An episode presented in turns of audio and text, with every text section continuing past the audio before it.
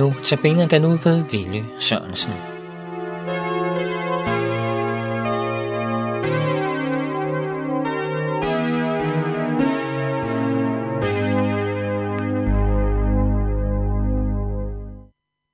I aften skal vi høre om Maria, Jesu mor, og den situation, der opstod, da englen Gabriel havde været hos hende og sagt, at hun skulle blive mor til Guds søn.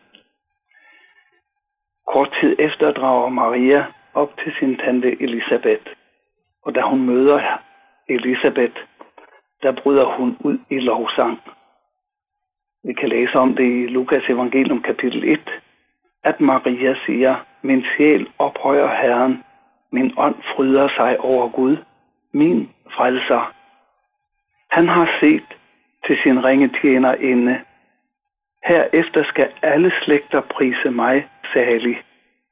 For den mægtige har gjort store ting imod mig. Helligt er hans navn. Og hans barmhjertighed mod dem, der frygter ham, varer i slægt efter slægt. Han har øvet vældige gerninger med sin arm. Splittet dem, der er homodige i deres hjertes tanker. Han har styrtet de mægtige fra tronen. Han har ophøjet de ringe. Sultene har han mættet med gode gaver. Rige har han sendt tomhændet bort. Han har taget sig af sin tjener Israel og husker på sin barmhjertighed, som han har tilsagt vores fædre, mod Abraham og hans slægt til evig tid. Hvor er det fantastisk, at vi får lov til at lytte med til denne lovsang. Der er lovsange forskellige steder i Bibelen, men jeg synes, den her nok er den smukkeste af dem alle sammen. Den kommer fra et fyldt hjerte. Første gang var det nok kun tante Elisabeth og Zacharias, der hørte denne lovsang. Hun var nemlig på besøg hos sin gamle tante, der også var gravid, og snart ventede Johannes, ham der bliver kaldt for døberen. Og her hos Maria, der siger Elisabeth til hende, at hun er salig, fordi hun har troet det, der blev sagt til hende fra Herren, og hun vidner, at det skal gå i opfyldelse. Da Maria sagde ja til Jesus som det første menneske, der forandrede det hele resten af hendes liv og hendes evighed. Nu er hun så gravid, ikke sådan som alle andre, hvor der både er en far og en mor, der er fælles om det lille barn, der er skabt inde i morens liv. Det lille barn er jo en del af mor og en del af far, som smelter sammen og bliver til et helt nyt menneske. Sådan er det for alle, som lytter med i dag. Vi er en halvdel af vores far og af vores mor. Vi er både fars og mors barn, uanset om vi kender begge vores forældre eller ej. Men det barn, der lå i Marias liv, var en halvdel af Gud og en halvdel af Maria. Så det barn, der senere skulle fødes, var både Gud og menneske på én gang. Ikke på den måde, at Jesus var en halv Gud og et halvt menneske. Han var både helt Gud og helt menneske på samme tid. Hvordan i alverden kan vi egentlig vide, at det Maria sagde, at det var det, som vi kan læse i Bibelen? Det kan vi, fordi der står, at Maria gemte disse ord i sit hjerte. Derfor var hun mange år senere i stand til at gengive dem over for evangelisten Lukas. Hvad er det, der fylder Marias hjerte? Så hun simpelthen må bryde ud i lovsang. Det er det, at hun venter Guds søn. Og derfor er det Gud, hun ophøjer. Hun fryder sig over Gud, og hun siger, min frelser. Hvor ofte er det lige, vi finder de ord i Bibelen, inden Maria bruger dem.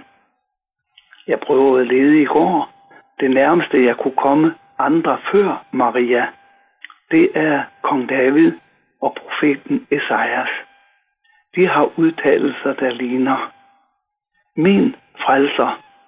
Så personligt et forhold åbnes der op for, for alle mennesker.